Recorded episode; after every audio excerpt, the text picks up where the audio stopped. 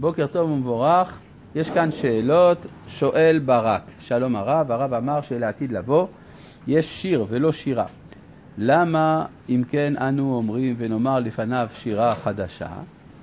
תודה רבה לרב, לצוות ולכל הקהילה הקדושה. לעילוי נשמת אישה בת רחל. עכשיו, אה, למה אם כן נאמר נאמר לפניו שירה חדשה? כי אנחנו נאמר גם שירה וגם שיר. זאת אומרת, אה, יש, אה, יש, הרי אני לא רואה פה כלום ממה שאני יכול לעשות.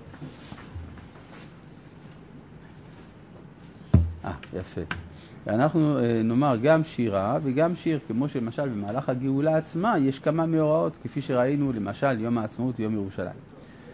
שואל שלמה, האם קריעת הים הייתה נס כנגד הטבע ונעמדו המים כשתי חומות גבוהות, או שמא אפשר להסביר הנס לפי הטבע והמים לא עמדו כחומה גבוהה, וחומה תהיה כמו חומה היו עלינו. וגומר, כלומר שהים מנע גישה אלינו מהצד... מהצדדים, תודה. לא נראה שאפשר לומר את זה. הרמב"ם, כשהוא דן בנושא הניסים בספר מורה נבוכים, אומר שיש קשר הכרחי בין האמונה בבריאת העולם לבין האפשרות של הניסים. כלומר, אם הטבע הוא קבוע, אז אי אפשר שיהיה נס. ו... אבל אם העולם נברא, אז מי שעשה את העולם יכול גם לשנות אותו, ואז הנס הוא אפשרי. והוא אפילו מוסיף שכל זה יהיה, אלא אם כן נפרש פירושים רעים. ככה הוא קורא לזה, פירושים רעים, הכוונה פירושים שינסו להסביר את הניסים באופן שזה לא נס, ואת זה הרמב"ם לא מקבל, כי זה באמת לא נכנס לפשט של, ה, של הפסוקים. נגד, כנראה היו פרשנים קראים או אחרים כאלה, שאולי נגד הערבים, אני חושב שיש שם פירושים של ערבים. שהוא מביא, לא בדיוק ברור נגד מי בדיוק זה מכוון. טוב, מה? כן, אבל ונאמר לפניו שירה חדשה, הללויה, בגדה של פסח, זו הייתה השאלה. אבל יש גם ונאמר לפניו שירה חדשה, הללויה. עכשיו, האמת היא, יש גורסים ונאמר לפניו הללויה. זה תלוי בנוסחאות. אז לנוסחה הזאת זה לא קשה, אבל מה הנוסח שאומר ונאמר לפניך שירה חדשה? מה שאתה אומר שיר חדש זה בברכה, שאחרי ההלל, התחילת ההלל. איי, איי, טוב, אז אנחנו בפרק ט"ו, בשירה. אה, והגענו לפסוק ח' וברוח אפיך נאומיים ניצבו חבונד נוזלים, קפאו תהומות בלב ים. כן, רק נזכיר שהמילה ים פירושה בת... בתנ"ך לא המים עצמם, אלא הקרקעית. הקרקעית נקראת ים. כמו כל כלי קיבול, יש הים שעשה שלמה, זה כלי קיבול למים, כן? ולמקווה המים קרא ימים. אז זה המקווה, המקום שאליו נקבים המים נקרא ים. אמר אויב, ארדוף, אשיג, אחלק שלל, תמלאמו נפשי, אריק חרבי, תורישמו ידי.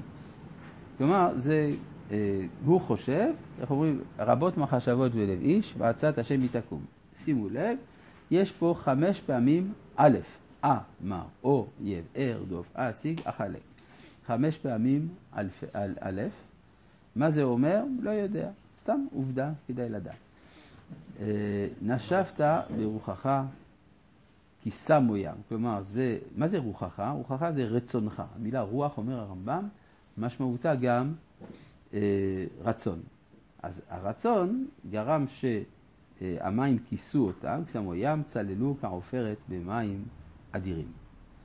יש אה, ציור קיר שנמצא בחדר הפנימי של קברו של פרעות חוטמס השלישי. פרעות חוטמס השלישי, לפי החשבון שלי, הוא הפרעה של יציאת מצרים. עכשיו, מה שמעניין, שעל הקירות יש תיאור של קריאת ים סוף. כלומר, זה, זה, רואים שם ממש, אי אפשר להתבלבל. הים נקרע, יש עמוד ענן, יש uh, מצרים טבועים בתוך המים, כל זה מצויר שם בקבר, בקירות של קברו. עכשיו, דבר מעניין, אפשר לומר שזה פרופגנדה, אבל זה חדר שלא היו אמורים להיכנס אליו לעולם. כלומר, זה כשהמצרים סגרו איזה מומייה, אז הם התכוונו שזהו, זה לעולם ועד, המומייה הזאת נמצאת שמה ולא יוצאת.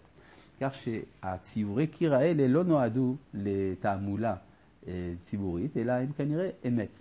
עכשיו, מה אומרים על זה החוקרים באוניברסיטה? אומרים שהציור הזה נתן השראה למחבר המקראי.